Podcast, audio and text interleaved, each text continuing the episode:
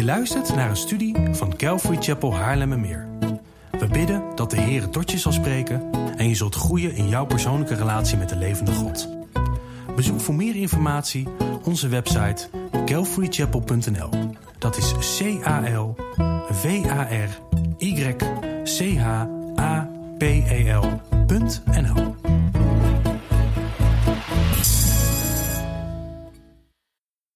Oké, spreuken. Spreuken hoofdstuk 6. We zijn de afgelopen weken bezig geweest met het fantastische Bijbelboek Spreuken. Waarom is het zo fantastisch? Nou, omdat het super praktisch is. Ehm, het is een boek dat wijsheid voor de dag geeft. Het is een boek dat tijdloos is. Het is niet een boek waarbij je kunt zeggen, nou ja, de historische context zorgt dat je dingen anders. Nee, het is wijsheid voor vandaag de dag. Ik, ik ken veel voorgangers die al jaren, gewoon tientallen jaren lang, elke dag een hoofdstuk uit spreuken lezen. 31 hoofdstukken in spreuken, gemiddeld 31 dagen in de maand. Nou, daar kan je ook wel op uittekenen dat op de eerste van de maand spreuken 1, de tweede spreuken 2, et cetera. Ik doe het zelf al een tijdje en elke keer, Ivan die kan het zo mooi zeggen, krijg ik een dropkick van de Heer. Oftewel wijst God mij met mijn neus, drukt God mij met mijn neus op de feiten over mijzelf. Ik heb spreuken nodig om overeind te blijven. Om wijsheid te krijgen voor de dag. Op mijn werk, in mijn gezin, om te weten hoe ik moet reageren in het verkeer. Als iemand weer eens me afsnijdt of de NS te laat is. Hoe moet ik reageren dan? En spreuken geeft ons daar wijsheid over. Jacobus 3:13 stelt ons een fantastische vraag. Wie is wijs en verstandig onder u? Laat hij uit zijn goede levenswandel zijn werken laten zien in zachtmoedige wijsheid. Jacobus heeft het hier over levenswandel of daden. Hij heeft het hier over of die wijs en verstandig zijn. En hij zegt dat zachtmoedige wijsheid goddelijk is. Jezus zelf zegt in Matthäus dat we een boom aan zijn vruchten zullen kunnen herkennen. En dat we ons hart kunnen zien door de daden die we doen. In het Engels zeggen ze: Actions speak louder than words waarmee het ook gaat over het hart. En vandaag in Spreuken 6 gaan we zien wat zachtmoedige wijsheid wel en niet doet. We gaan zien hoe je wel en hoe je niet wijs en verstandig kan reageren. We gaan zien wat wel en niet goede levenswandel is. En dat gaan we zien aan de hand van de schrijver Salomo, die tegen zijn zoon Rehabeam praat. God spreekt over het hart, over gedrag, over een levenswandel en of die overeenkomt met zijn wil of niet. Laten we de eerste vijf versen samen lezen en er daarna gewoon samen induiken. Spreuken 6, beginnend bij vers 1. Mijn zoon, als je borg staat voor je naaste en je iets met handslag aan een vreemde bevestigt, ben je verstrikt in de woorden van je eigen mond, ben je in de woorden van je eigen mond gevangen. Doe dan dit, mijn zoon, en red je want je bent in de greep van je naaste gekomen. Ga, onderwerp je en dring bij je naaste aan. Geef je ogen geen slaap en je oogleden geen sluimer. Red je als een gazelle uit de hand van de jager en als een vogel uit de hand van de vogelvanger. Zoals ik al zei, Salomo praat hier. Koning Salomo, de wijste man die ooit geleefd heeft. En die wil die wijsheid overbrengen als vader naar zijn zoon Rehabeam. En wij 2000, meer dan 2000 jaar later, zien hier Gods vaderhart. God die tegen ons zegt: Mijn zoon, mijn dochter, mijn kind, ik wil je wijsheid bijbrengen. Mijn kind, ik heb dingen voor je die je moet weten voor je dagelijkse leven. Hier zien we Gods zorg in. God die weet wat juist is. God is alwetend. Wat betekent dat Hij altijd weet wat perfect is altijd weet wat goed is en hij wil die wijsheid aan ons doorgeven. Salomo begint in vers 1 met als je borg staat voor je naaste. Nou, voor mijn werk heb ik te maken met leningen, dus dit is voor mij niet onbekend. Maar de situatie is, iemand wil een lening afsluiten en heeft borg of onderpand nodig. Net zoals dat je bij je hypotheek je huis als onderpand hebt. Dus er moet iets gegeven worden tegen de waarde van het geld dat je wil lenen. En in bijbelse tijden ging het dan niet om, om een hoop stenen, zoals in het geval van mijn huis, maar het ging om iets persoonlijks van de aanvrager. Een, een zegelring, de staf of iets wat van die persoon was. Het kon zelfs meer zijn, maar dat, dat, was, ehm, dat hing af van de grootte van de lening. En handslag was de manier van de afspraak maken, van de afspraak bevestigen. Als jij borg staat voor een ander, zegt Salomo in vers 2, ben je verstrikt in de woorden van je eigen mond, ben je in de woorden van je eigen mond gevangen. Het idee is hier dat je gevangen genomen bent, zoals een dier in een dodelijke val, waar die ook naar verwijst in vers 5, omdat je vastzit aan een contract dat iemand anders heeft. Dus de situatie is: Pietje wil een lening afsluiten bij Jantje en ze hebben mij nodig voor het onderpand. Dus waar Pietje zelf dus niet de lening zomaar kan krijgen, heeft hij mij nodig. Dus zit ik opeens vast aan de lening die iemand anders heeft. Nou, Salomo wil dat zijn zoon begrijpt dat dit niet een gezonde situatie is. Hij wil dat zijn zoon snapt dat hij hier alleen maar slecht uit zal komen. Als hij hier ja op zegt. Hij zegt tegen zijn zoon: Doe dan dit en red je, want je bent in de greep van je naaste gekomen, vers 3. Ga onderwerp je, dring bij je naaste aan. Geef je ogen geen sluimer, je oogleden geen, geen slaap. Red je als een gazelle uit de hand van de jager en als een vogel uit de hand van de vogelvanger. Hij moet zichzelf redden. De situatie is dat je, je dat je leven opeens beheerst wordt door iemand anders. Iemand anders is de baas over een deel van jouw bezit. En hij moet met alle inspanning dit oplossen en zichzelf hieruit redden. Hij moet zichzelf terugtrekken uit de deal voor de betaling. Omdat anders vaststaat dat hij of zij hier, hier voor lange tijd aan vastzit. Matthew Henry heeft hierover gezegd, om het wat praktisch te maken naar ons toe. Een man of een mens moet nooit gebonden zijn als zekerheid of borg voor meer dan dat hij wil en kan betalen zonder zijn familie onrecht aan te doen. Voor het geval dat de lening afbetaald moet worden. Hij moet er naar kijken alsof het zijn eigen lening is. Wat je krijgt is dat je misschien denkt: Nou, dit is een christen. En die wil ik wel helpen financieel. Want ja, christenen zijn betrouwbaar, dus hè, ik help deze persoon. Als dan toch blijkt dat de lening niet afbetaald kan worden, komen ze bij jou aankloppen voor het onderpand.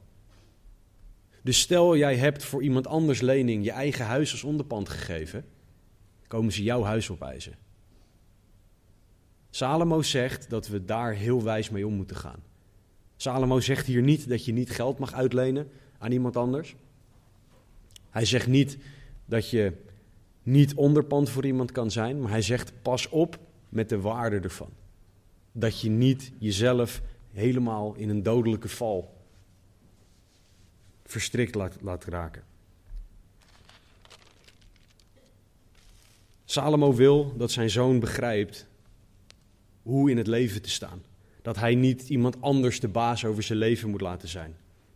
De eerste les die Salomo zijn zoon leert is hoe ga je om met borg staan voor een ander. De tweede les die hij leert staat in vers 6 tot en met 11. Daar gaat hij spreken over de luiaard. Hij zegt in vers 6 tot en met 11: Ga naar de mierluiaard, zie zijn wegen en word wijs. Hoewel hij geen aanvoerder heeft, geen leidinggevende of heerser, maakt hij zijn eten gereed in de zomer. Verzamelt hij zijn voedsel in de oogsttijd. Hoe lang, luiaard, blijft u liggen? En wanneer staat u op uit uw slaap? Een beetje slapen, een beetje sluimeren, een beetje liggen met gevouwen handen. Zo komt armoede over u als een wandelaar en uw gebrek als een gewapend man. Rehabeam moest de gevolgen inzien van lui zijn. Zijn zoon moest inzien wat het betekende om lui te zijn. En als tegenvoorbeeld gebruikt Salomo, en dat is echt briljant, een heel klein diertje. Een mier. Het is heel interessant trouwens, vind ik persoonlijk, dat Salomo een dier gebruikt. Salomo, die, dat lees je door de uh, geschiedenis heen, die um, heeft de dieren bestudeerd, die wist wat de dieren deden. En hij was de biologie ook ver vooruit in die tijd. Hij wist hoe de dieren in elkaar zaten en wat we daarvan konden leren. Hij was echt een man die heel veel wijsheid van de Heer had gekregen, maar die ook zijn tijd besteedde om bijvoorbeeld te leren van dieren. Terug naar Rehabeam. De zoon van Salomo moet leren om wijs te worden en te leren van de mier. Waarom een mier? Nou, een mier werkt altijd hard. Je ziet een mier nooit met een biertje in zijn hand aan het zwembad zitten. Wat wij wel bijvoorbeeld graag doen. Of met een colaatje, voor degenen die geen alcohol drinken. Ehm, een mier zit ook niet, zoals wij soms wel, te wachten achterover op zijn stoel. Kom maar, vertel me, vertel me maar wat ik moet doen. Dan ga ik bewegen. Nee, een mier die is gewoon bezig. Die weet wat hij moet doen, die gaat aan de slag. Die werkt in de zomer en in de oogsttijd. De oogsttijd was uh, aan het einde van de zomer, begin van de herfst. In de periode waarin het lekker warm is en je het liefst dus buiten met je pootjes omhoog in een stoel zit. Nee, die mier is hard aan het werk dan. Die mier snapt op een of andere manier, dat heeft God zo geprogrammeerd, dat er hard gewerkt moet worden om te kunnen eten. De periode van de zomer en de oogsttijd waarin je wil luieren en rusten, is de mier hard aan het werk. Om maar te kunnen eten. Voor diegenen van jullie die mieren interessant vinden, dit gaat waarschijnlijk om de Messor semurifus, sorry Jonas, oftewel de oogstmier. Um, en deze mier komt veel voor in Israël. Waarom is dit interessant? Nou, deze mier die haalt graan op en die stopt het in zijn nest om te bewaren, om het later op te kunnen eten. Hier kunnen wij van, van leren. Deze mier werkt hard om eten in huis te hebben, zodat hij daarvan kan genieten, zodat hij dat op kan eten. Salomo wil dat zijn zoon leert van dit beestje. Salomo wil dat zijn zoon leert om niet alleen maar te liggen, vers 9, en te slapen. Vers 10, een beetje slapen. Nou ja, nog eventjes dan, vijf minuutjes. Een beetje sluimeren. Nee, ik doe heel even mijn ogen dicht. Een beetje liggen met gevouwen handen. Nee, ik ben gewoon even naar, naar, naar de lucht aan het kijken. Met mijn handen gevouwen, liggend op mijn stoeltje. Salomo wil dat zijn zoon begrijpt dat dat niet juist is. Er is een plek, er is een tijd voor rusten. Maar dat mag niet overheersen. Salomo wil dat zijn zoon begrijpt dat rust een plek heeft, maar dat werken zeker ook een plek heeft. Want het resultaat van niet werken in vers 11 is armoede. Zo komt uw armoede over u als een wandelaar en uw gebrek als een gewapend man. Armoede komt als een wandelaar of een zwerver en een gewapend man. Een zwerver die komt onverwacht, die heb je vaak liever niet zitten waar die zit. Die steelt vaak. Um, iemand, een gewapend man, die zal je misschien dingen afpersen, die zal dingen van je afpakken. Oftewel ongewenst. Armoede komt op een manier die je niet wil en het pakt dingen van je af die je niet wil, die je niet kwijt wil raken. Paulus in 2 Thessalonicense 3, vers 10 en 11 is subtiel als altijd. Want ook toen wij bij u waren, bevalen wij u dit: als iemand niet wil werken, zal hij ook niet eten. Want wij horen dat sommigen u, uh, onder u ongeregeld wandelen. Zij werken niet, maar zijn bezig met nutteloze dingen. Dit is waar Salomo tegen waarschuwt.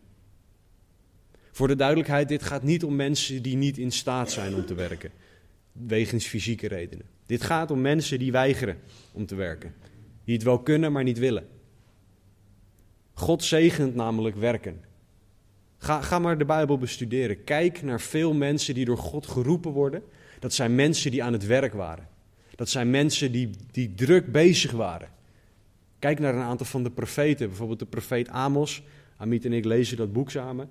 Hij, hij werkte met, um, met schapen en hij werkte met vijgen. Hij was gewoon hard aan het werk en toen opeens plukte God hem weg om een profeet te worden. Zo zijn er meer voorbeelden van mensen die gewoon hard aan het werk waren om hun brood te verdienen. Wat goed is in Gods ogen. En toen weggeroepen werden en daarin Gods wil deden. De vraag is welke plek werken voor ons heeft. Zeker tegenwoordig is werken voor veel mensen een doel. Carrière, geld, status, aanzien. Die tweede, derde, vierde vakantie. Die tweede, derde, vierde auto niet kleding kopen bij de H&M, maar het moet bij welke merkwinkel dan ook vandaan komen. Dan kan werken een doel worden in de plaats van een middel om God te dienen. Of misschien zie je werk als nutteloos. Nee joh, werken, dat is, dat is voor zielige mensen. Werken, dat is niet voor mij. God zegt hier dat werken nuttig is. Wie niet werkt, zal niet eten. God zegt dat wij kunnen werken tot zijn eer. En dat wij horen te werken tot zijn eer. In Genesis zei God ook dat wij in het zweet des aanziens ons brood zullen verdienen. Oftewel, door hard werken zullen wij brood verdienen. Zijn wij lui richting God? In het werken voor het eten? Misschien ook wel in het werken voor God? Zijn wij lui in het God dienen? Matthew Henry heeft hierover gezegd, Bijbelcommentator: geestelijke armoede komt over hen die lui zijn in het dienen van God. Dien jij God? Of zie je dat als nutteloos? Is het dienen van God een, een doel geworden? Of is het doel God groot maken door Hem te dienen? En vraag jij aan God, Heere, hoe wilt u dat ik u dien? God wil dat wij daar een juiste blik op hebben. Dat wij net als de mier bezig zijn met de juiste dingen. En dat we aan Hem vragen, Heere, wat zijn de juiste dingen? Mijn uitdaging aan jullie is om na de dienst en in, door de week die vraag aan God te gaan stellen. Heere, wat wilt u dat ik doe? Waar wilt u dat ik dat doe? En hoe wilt u dat ik dat doe? Na de les over borg staan, na de les over lui zijn, gaat Salomo vers 12 tot en met 19 besteden in twee delen aan de verdorven mens. Hij, hij spreekt hier over iemand die onverzoenlijk slecht is en protesteert tegen alles dat goed is. In vers 12 tot en met 15 begint hij met deze persoon omschrijven. Een verdorven mens, een man van onrecht of een vrouw, gaat rond met valsheid van mond. Knipoogt heimelijk, geeft een teken met de voeten en wijst met zijn vingers of haar vingers. In zijn hart brengt hij verderfelijke dingen. Hij smeet ten alle tijden kwaad en brengt twisten teweeg. Daarom zal plotseling zijn ondergang komen. Opeens zal hij gebroken worden, zonder dat er genezing voor is. De eigenschappen van een verdorven mens, volgens Salomo, zijn dat iemand rondgaat met valsheid van mond, vers 12. Dat iemand heimelijk knipoogt, tekens geeft met voeten en wijst, wat leidt op mensen misleiden. Achter iemands rug om tekens geven en zo. Mensen misleiden en daar zelf voordeel uit halen, is het idee. Roddelen. Valse dingen over mensen zeggen. Rehabeham, de zoon van Salomo, wordt opgeroepen om zich hier ver van te houden. Hetzelfde voor ons. Wij horen niet continu onszelf onder mensen te begeven voor wie dit normaal is. Wij horen niet bewust te kiezen om met vrienden rond te hangen die dit soort dingen continu doen, want zij zullen invloed op ons hebben dat wij dit ook gaan doen. Ik zeg niet dat je ze nooit mag zien. Ik zeg niet dat je deze mensen moet ontwijken alsof ze de pest hebben. Maar deze mensen zullen invloed op ons hebben. Vraag aan God hoe naar hen te getuigen. Maar wees, weet dat deze mensen een invloed op ons hebben. En dat wij dezelfde dingen zullen gaan doen als we niet oppassen. In vers 14 wordt er uitgelegd wat het echte probleem is. In zijn hart. Bij de Bijbelse counseling cursus die wij gedaan, of die een aantal van ons gedaan hebben, werd er één ding altijd gezegd. Het hart van het probleem is het probleem van het hart. Vaak denken mensen, ja, maar het zit in dit dingetje of in dat dingetje. Maar het zit altijd in onze eigen zondige verlangens in ons hart. En bij de verdorven persoon, deze verdorven mens, wordt er door God gezegd: in zijn hart zijn verderfelijke dingen. Hij smeet in alle tijden kwaad, brengt twisten teweeg. De plannen van deze persoon matchen het hart van deze persoon. De daden van deze persoon matchen het hart van deze persoon. En het resultaat is ruzie. In Zacharia 8:17 staat: Bedenk in uw hart geen kwaad tegen elkaar en heb een valse eed niet lief, want dit alles is iets wat ik haat, spreekt de Heer. God haat het. God haat de daad die wij doen als wij dit soort dingen doen. God wil niet dat wij op deze manier met elkaar omgaan. Dat wij naar elkaar kijken op deze manier. Dat wij heimelijk knipogen en elkaar misleiden. En God geeft ook aan wat het resultaat is van deze daden. Hij geeft aan wat het resultaat van, van het leven van deze persoon is. Vers, vers 15. Daarom zal hij plotseling zijn, tot zijn ondergang komen. Opeens zal hij gebroken worden zonder dat er genezing voor is. Als deze persoon zich niet bekeert, zal er ondergang zijn. Als deze persoon niet om vergeving vraagt aan de Heer, zal God geven naar zijn of haar daden. Zal God geven naar wat hij of zij verlangt. God geeft ons sowieso naar onze daden. Als wij ons leven overgeven aan Jezus, een daad, zullen wij van God daarvoor de beloning krijgen. Als wij ons leven van God afhouden en ons leven niet aan God overgeven, zal God ons ook daarvan de beloning geven waar wij, of die wij verdienen. God wil dat, Rehabeam, God wil dat wij snappen hoe de verdorven persoon in elkaar zit. Wat de verdorven persoon doet, waar we hem of haar aan kunnen herkennen. En dat wij onszelf bewaren voor deze dingen doen. En dat wij niet onszelf continu inlaten met deze mensen, omdat het ons zal beïnvloeden. In vers 16 tot en met 19 gaat Salomo door. En dat doet hij op een iets andere manier. Dat doet hij op een hele poëtische manier. Um, de combinatie deze zes, ja zeven, um, dat wijst op dat hij een lijst aan het maken is, maar ook een lijst die op een bepaalde poëtische structuur in elkaar zit. Daar gaan we niet op in, want dat zou te veel tijd kosten en niet veel bijdragen. Maar wat hij hier doet is, hij gaat verder op wat de verdorven persoon doet. En dat deze persoon doet wat God haat. En dat dat deze persoon afhoudt van God. Hij doet dat aan de hand van zeven, het getal zeven. Dat is het getal van de volheid. Er zijn zeven dagen van de schepping. Er zijn zeven Joodse feesten. Zeven kerken in openbaring. Nou ja, zo zijn er nog meer dingen waardoor zeven het getal van de volheid of compleet is. En wat Salomo dus hier zegt is: deze zes haat de Heer. Ja, zeven zijn een gruwel voor zijn ziel. God haat deze dingen compleet. Niet de persoon die ze doet, maar de daden. De, de zonde haat God compleet, die hier neergezet wordt. En wat interessant is, Salomo die gaat in de eerste vijf dingen die hij gaat noemen, gaat hij menselijke lichaamsdelen noemen die gebruikt worden om daden te doen die God haat. Hij gaat van boven naar beneden, gaat hij de mens langs om dingen te noemen die wij gebruiken tot oneer van God.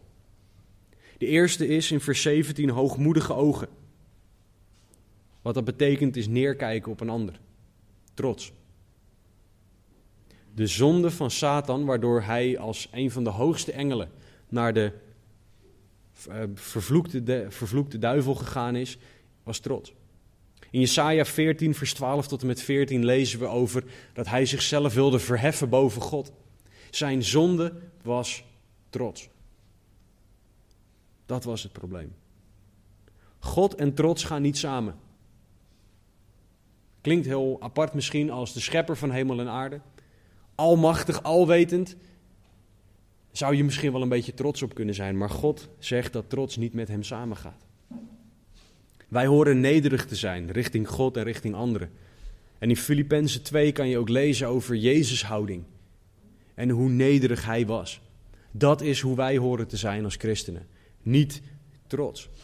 Dat is hoe Rehabeam niet mocht zijn. Trots. Tweede punt in vers 17 is een valse tong. Dus we zijn van de ogen een klein stukje naar beneden gegaan, naar de tong. Letterlijk staat hier een liegende tong. Deze persoon, deze verdorven persoon, liegt. En deze leugens zijn niet te onderscheiden van de waarheid. Als mijn dochter nu tegen me zegt dat ze niet gepoept heeft, dan staat ze er altijd op zo'n manier bij dat ik toch snap dat ze dat wel gedaan heeft. Zij kan het niet verbergen. Maar bij deze persoon, deze verdorven mens, is het niet te onderscheiden. Leugen, waarheid, je kan het niet van elkaar onderscheiden. En God zegt over zichzelf dat hij altijd de waarheid spreekt. Dat blijkt ook uit zijn woord. Hij haat de leugen. Dus de leugen en God gaan niet samen. Het derde punt in vers 17 is handen die onschuldig bloed vergieten. Dus de ogen, de tong, dan de handen. Als je zo trots bent en als liegen een tweede natuur geworden is, dan is onschuldig bloed vergieten een logische vervolgstap. Dan volgt dat, komt dat voort uit de daden die je doet. En ook dit matcht niet met God, want God zal nooit onschuldig bloed vergieten. God zal nooit de schuldige en de onschuldige straffen. God zal nooit zijn toorn uitgieten over hen die het niet verdienen. God doet dat niet, maar deze verdorven mens doet dat wel. Iemand iets geven wat ze niet verdienen. Iemand of iemands bloed vergieten terwijl die persoon onschuldig is. Dit is een gruwel voor God, zegt Salomo. De vierde eigenschap van deze verdorven mens, de vierde eigenschap die God haat, is een hart dat zondige plannen smeet. Ogen, tong, handen, hart. Het is wel mooi, in het, het middelste getal van zeven is vier. Midden in deze lijst van zeven staat het hart van het probleem, namelijk het hart. Het hart van deze verdorven mens smeet zondige plannen. In Spreuken 3, vers 6 hebben we geleerd dat we onze wegen aan God moeten toewijden. Dat Hij de paden recht maakt. Deze verdorven mens smeet eigen plannen. Die volledig zondig zijn, die niet op God gericht zijn op enige manier. En God zal deze persoon geven naar zijn of haar daden en zijn of haar verlangens. Wat deze persoon in, in zijn of haar hart heeft, is wat God deze persoon zal geven. Als wij er naar verlangen om in deze eeuwigheid bij, of, of, of om tot in eeuwigheid bij God te zijn, zal God ons geven naar onze verlangens. Als we dat op zijn manier willen. Als wij er naar verlangen om onze eigen dingen te doen, om van God gescheiden te zijn, dan zegt God op een gegeven moment ook: Oké, dan geef ik je ook waar jij naar verlangt. Dat is wat God tegen deze verdorven persoon zegt. Ik ga je geven waar jij naar verlangt in je hart.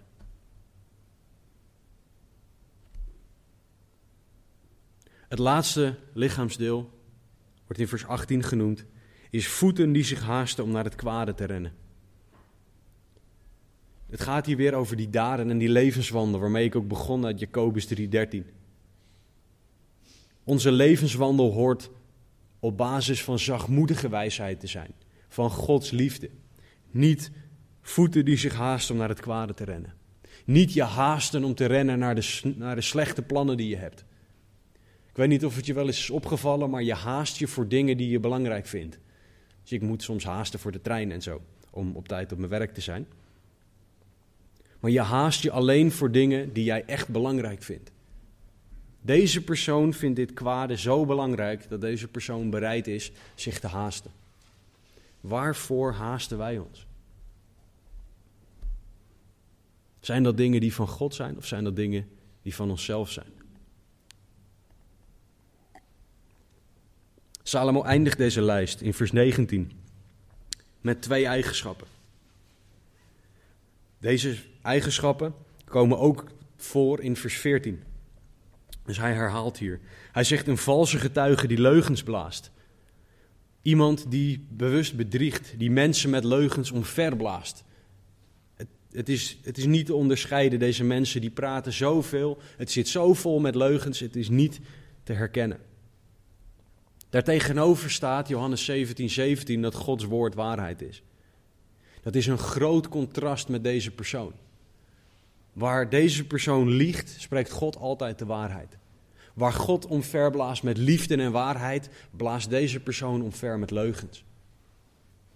Dat is een groot verschil. En God wil dat wij vasthouden aan de waarheid, aan zijn woord en niet leugens verkondigen. De laatste van de eigenschappen is dat deze persoon tussen broeders twisten teweeg brengt. Deze persoon is, een, is iemand die ruzie brengt. Waar deze persoon ook komt, altijd is de ruzie. Misschien niet direct, misschien niet na een week, misschien niet na een maand, maar op een gegeven moment komt die ruzie. En die ruzie, die is niet niks. God leert ons in Johannes 13 dat wij liefde horen te hebben tussen de broeders. Niet twistgesprekken, niet ruzie. Deze persoon, zegt zowel vers 14 als vers 19, brengt twisten, brengt ruzie. Deze persoon met deze eigenschappen staat lijnrecht tegenover Galaten 5 vers 22. Ik ga hem niet voorlezen, maar dat is de vrucht van de geest. Ik geloof dat dat vers begint met de vrucht van de geest is liefde, dubbele punt, en dan de overige acht eigenschappen. Dat liefde uitgelegd wordt in de eigenschappen die erna komen en niks van vers 12 tot en met 19 is liefde. Niks van de daden van deze persoon komt overeen met liefde. Laat staan met Gods liefde. Voor de duidelijkheid, ik sta hier niet vanuit een ivoren toren tegen jullie te vertellen dat ik dit nooit doe. Dat ik nooit een keer gelogen heb of trots geweest ben of wat dan ook, of zondige plannen gesmeed heb. Wat ik zeg is dat wij de geest van God nodig hebben, ik ook. Ik heb Gods geest elke dag nodig om te kunnen leven naar zijn wil. En dat vraagt van mij dat ik mezelf elke dag overgeef aan Hem. Zodat ik niet ga leven als die verdorven mens. Want als ik niet oppas, leef ik wel zoals die, die persoon. Ik heb het nodig, jullie hebben het nodig, of je het je nou beseft of niet. Maar dat de geest van God in jou regeert in de plaats van jijzelf. Want jouw en mijn hart doet precies dezezelfde dingen. In een willekeurige uiting die bij jou past, maar je hart doet het wel. En daarom is het zo fantastisch dat we Gods geest hebben. Dat God zichzelf aan ons gegeven heeft. En dat we daardoor hierin kunnen overwinnen.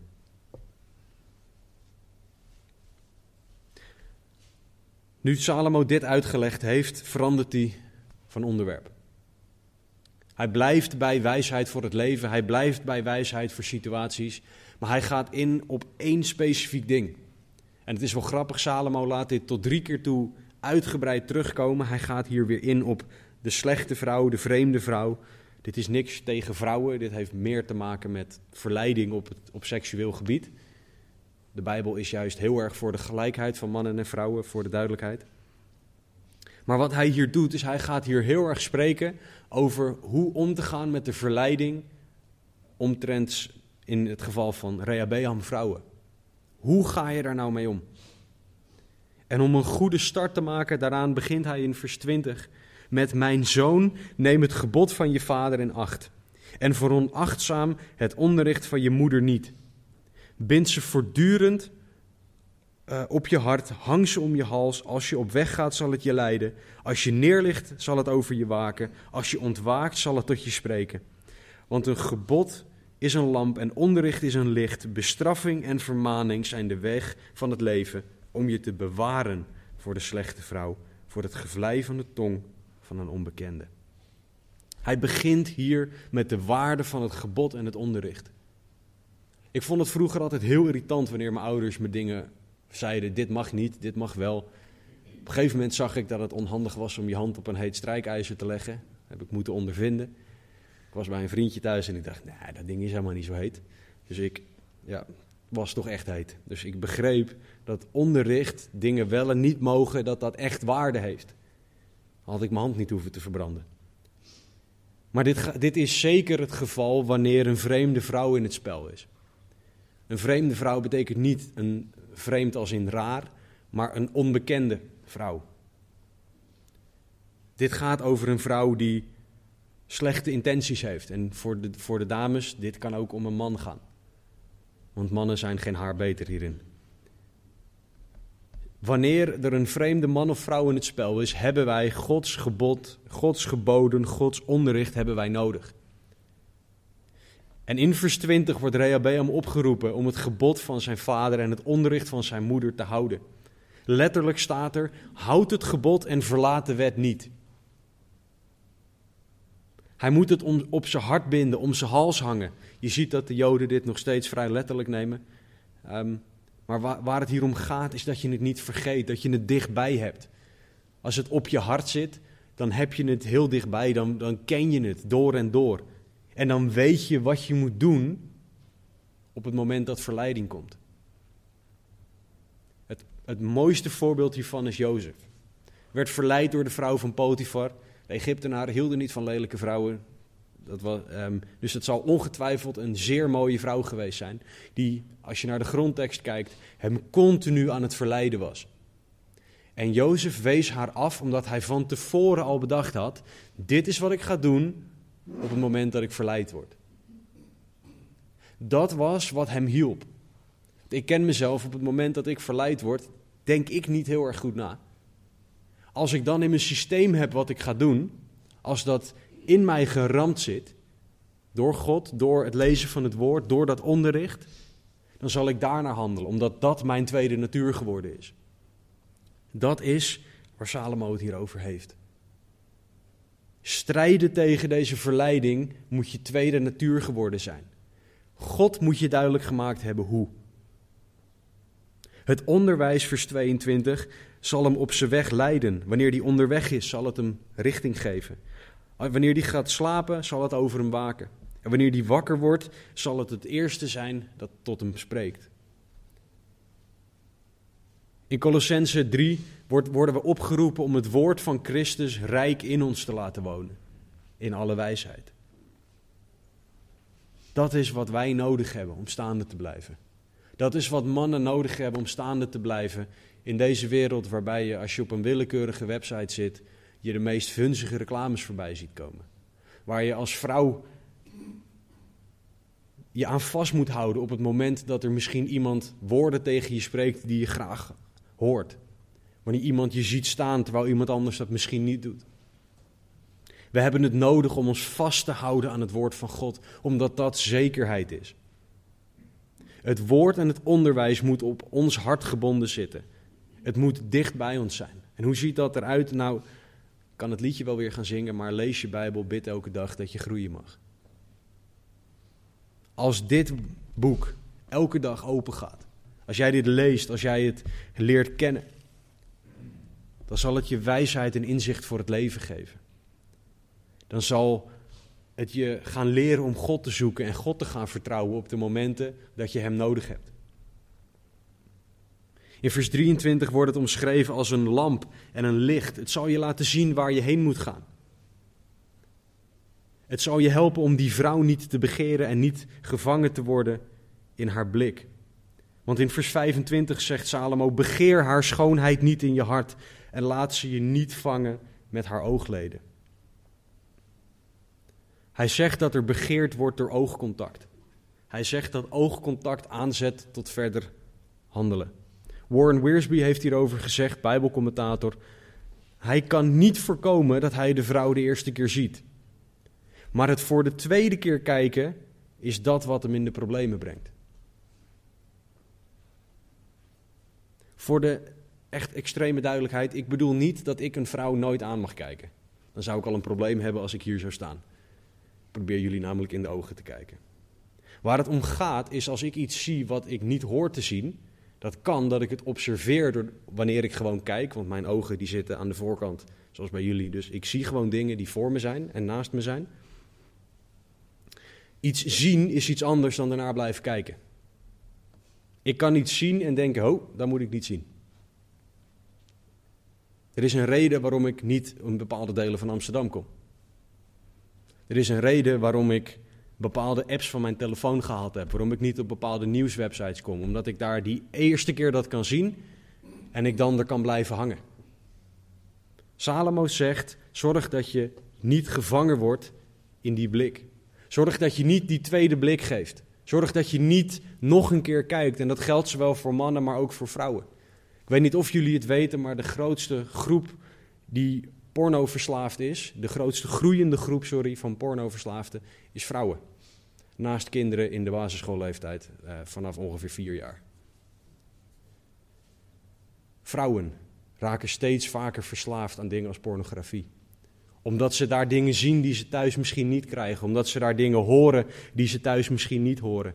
Mannen precies hetzelfde. Omdat ze naar dingen verlangen, want daar gaat het fout. Verlangen naar dingen die we niet horen te verlangen. Salomo zegt: begeer haar niet in je hart. Dat is waar het fout gaat. Het gaat hier om een mooie vrouw. Het gaat hier om verleidende woorden. Het gaat hier om situaties waar, waar, waar, waar je gewoon niet zelf zomaar uitkomt. Je hebt dit onderwijs nodig, is wat Salomo zegt. En Salomo wil dat zijn zoon snapt dat verleiding in hele kleine dingen zit.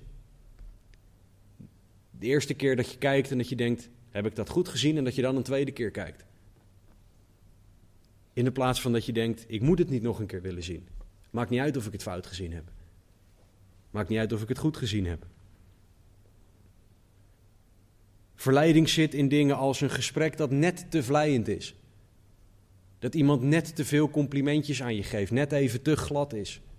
Wat je misschien op het eerste gezicht niet doorhebt, maar waar dan op een gegeven moment iemand steeds dichterbij komt. Steeds meer begint te vertellen en steeds meer begint te vragen. Verleiding zit in net te lang nadenken over die andere persoon. Het is niet erg om aan iemand van het andere geslacht te denken. Maar het gaat om de manier waarop. Ik denk bijvoorbeeld, oh, ik moet die en die persoon nog spreken. Daar gaat dan niks verkeerd mee. Terwijl als ik ga zitten nadenken over hoe die persoon eruit ziet, dan wordt het opeens een heel ander verhaal. Het zit in zulke kleine dingen. En Salomo zegt dat Gods woord ons hiervoor kan en wil behoeden. Alleen de vraag is, laten wij ons hiervoor behoeden? Of willen we meegaan in die verlangens, in wat ons hart begeert? In wat we zien met onze ogen? Of zijn we zo gevleid door die woorden dat we meegaan? Paulus, nogmaals, subtiel als altijd, in Galaten 6, vers 7 en 8 zegt dit. Dwaal niet. God laat ze niet met zich spotten. Wat de mens zaait, zal hij ook, zal hij ook oogsten. Want wie in zijn eigen vlees zaait, zal uit het vlees verderf oogsten. Maar wie in de geest zaait, zal uit de geest het eeuwige leven oogsten. De christen wordt opgeroepen om te zaaien in de geest. Om Bijbel te lezen, te bidden, samen te komen met broeders en zusters. Om preken te luisteren in de plaats van naar de radio. Om naar samenkomsten te komen op de zondag en door de week. Dat geeft namelijk de geest van God ruimte in ons hart en in ons denken. Zodat wanneer verleiding komt, voor de duidelijkheid niet als, dat is misschien wel, misschien niet. Nee, wanneer, want het gaat komen bij ons allemaal we wijze keuzes zullen maken. Dat we geleid zullen worden door de geest. Maar de vraag is of wij luisteren. De vraag is of wij luisteren naar de geest. Jezus spreekt over het afhakken van je hand en het uitplukken van je oog. Jezus bedoelt niet letterlijk dat we éénogig en éénhandig door het leven moeten gaan, maar het gaat erom hoe hard zijn wij bereid om in te grijpen in ons leven om dingen weg te halen.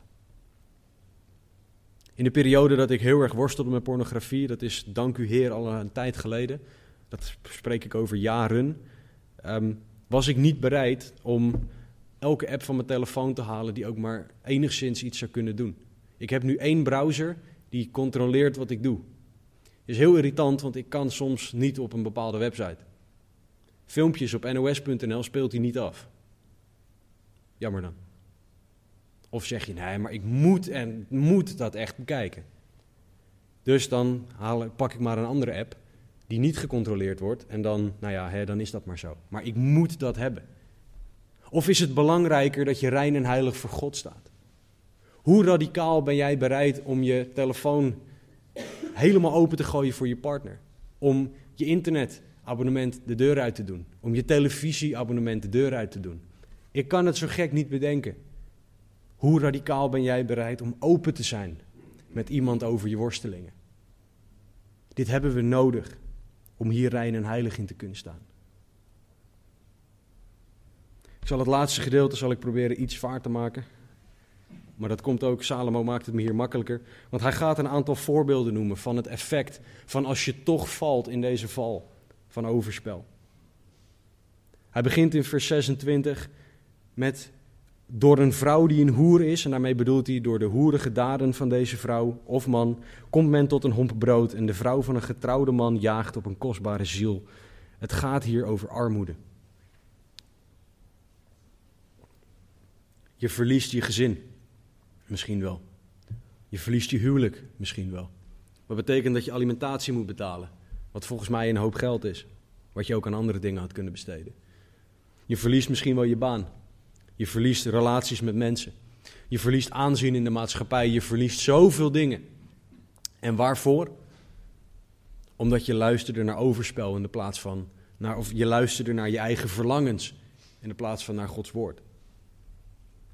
In vers 27 en 28, als iemand vuur in zijn boezem neemt, daarmee bedoelt hij in zijn kleren, zullen dan zijn kleren niet in brand, in brand vliegen? Als iemand op gloeiende kolen loopt, zullen dan zijn voeten niet verbranden? Salomo vergelijkt hier overspel met, met vuurspelen. Als je overspel pleegt, je gaat je branden. Op een of andere manier. Als je vuur in je kleren steekt, vliegen je kleren in de hens. Als je op kolen loopt, zullen je je voeten verbranden. Maar je zal problemen krijgen. Je gaat je branden aan deze daad. Nee, maar niemand ziet het. Nee, God ziet het.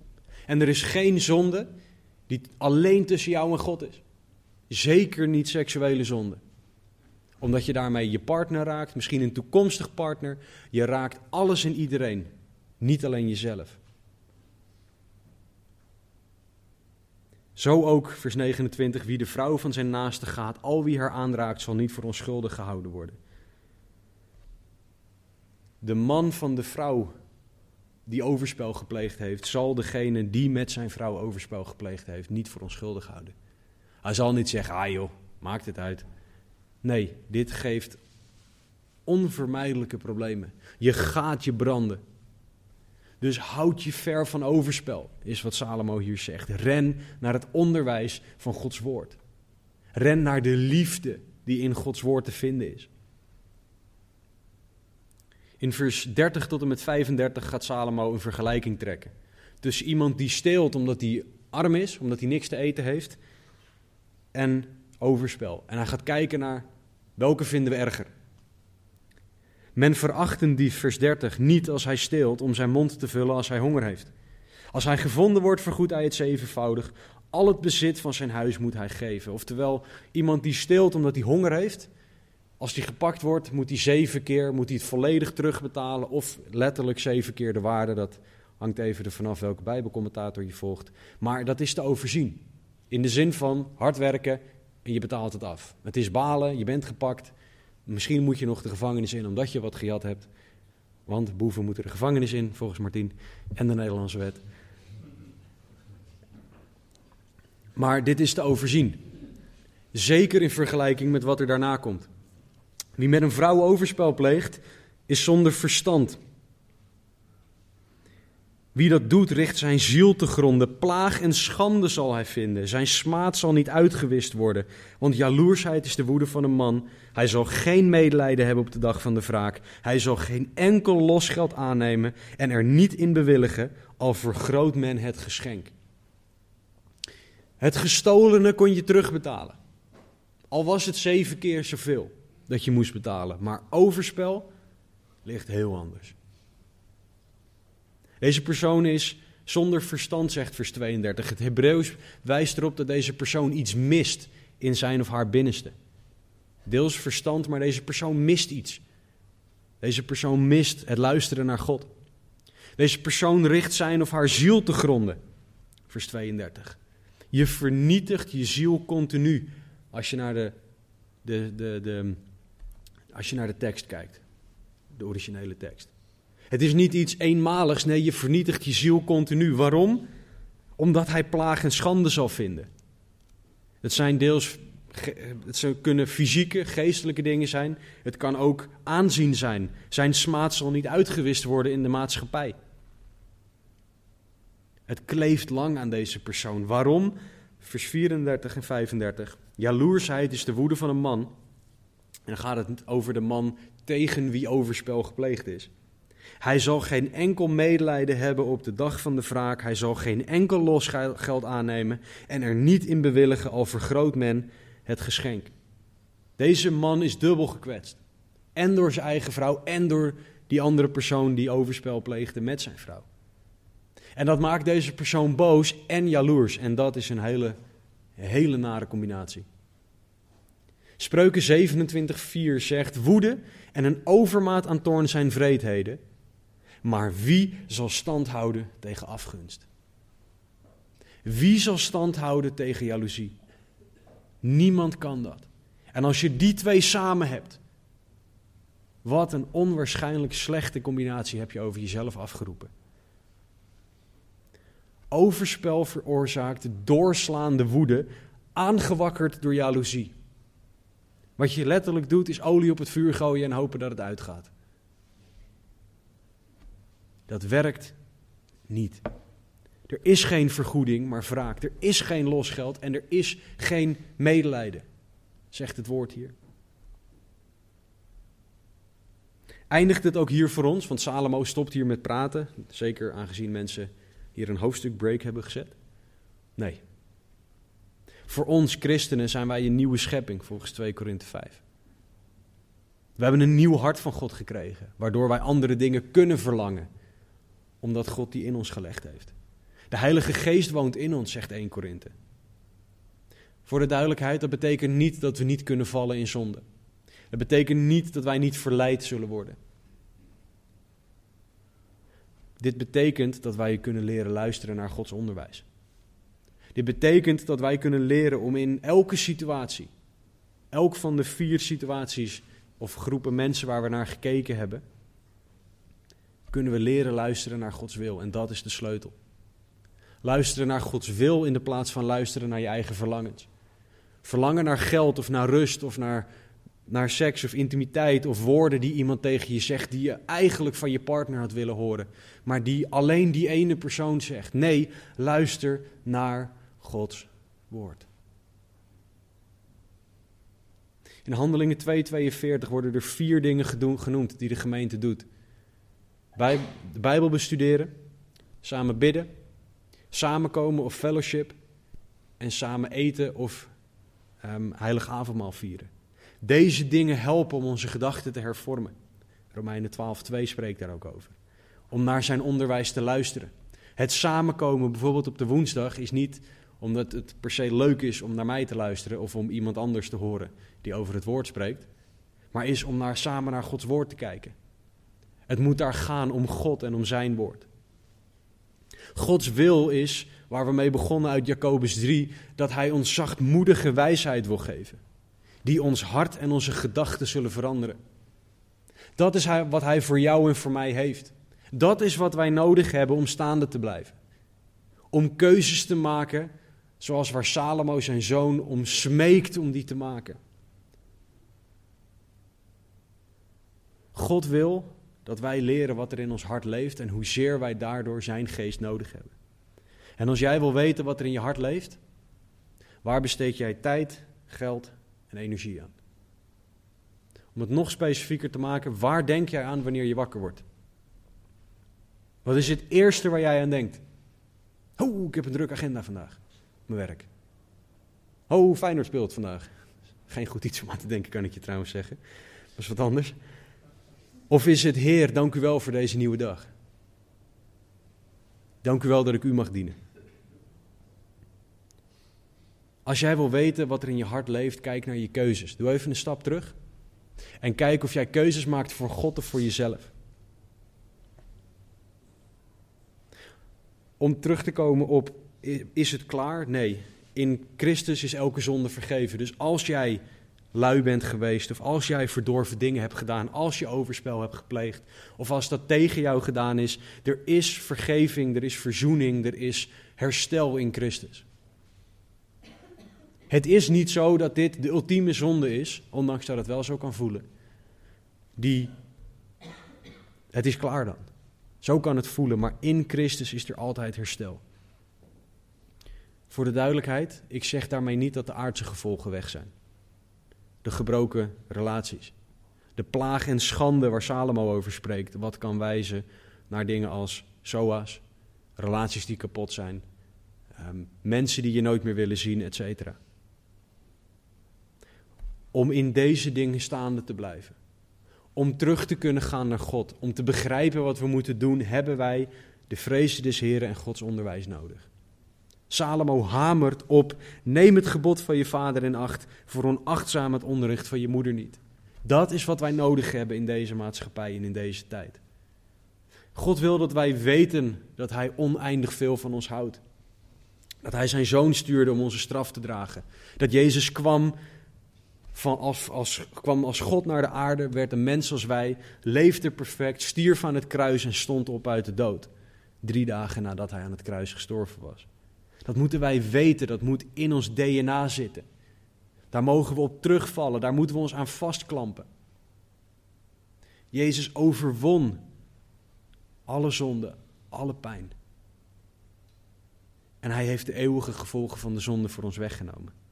Dat is het goede nieuws waarop wij kunnen bouwen en in elke situatie op kunnen vertrouwen. En vanaf het moment dat jij dat aanneemt, en ik hoop echt dat als je dat nog niet gedaan hebt, dat je God aanneemt, zal God je gaan veranderen. Hij gaat snoeien, dingen uit je weghalen, deze zondige verlangens bijvoorbeeld.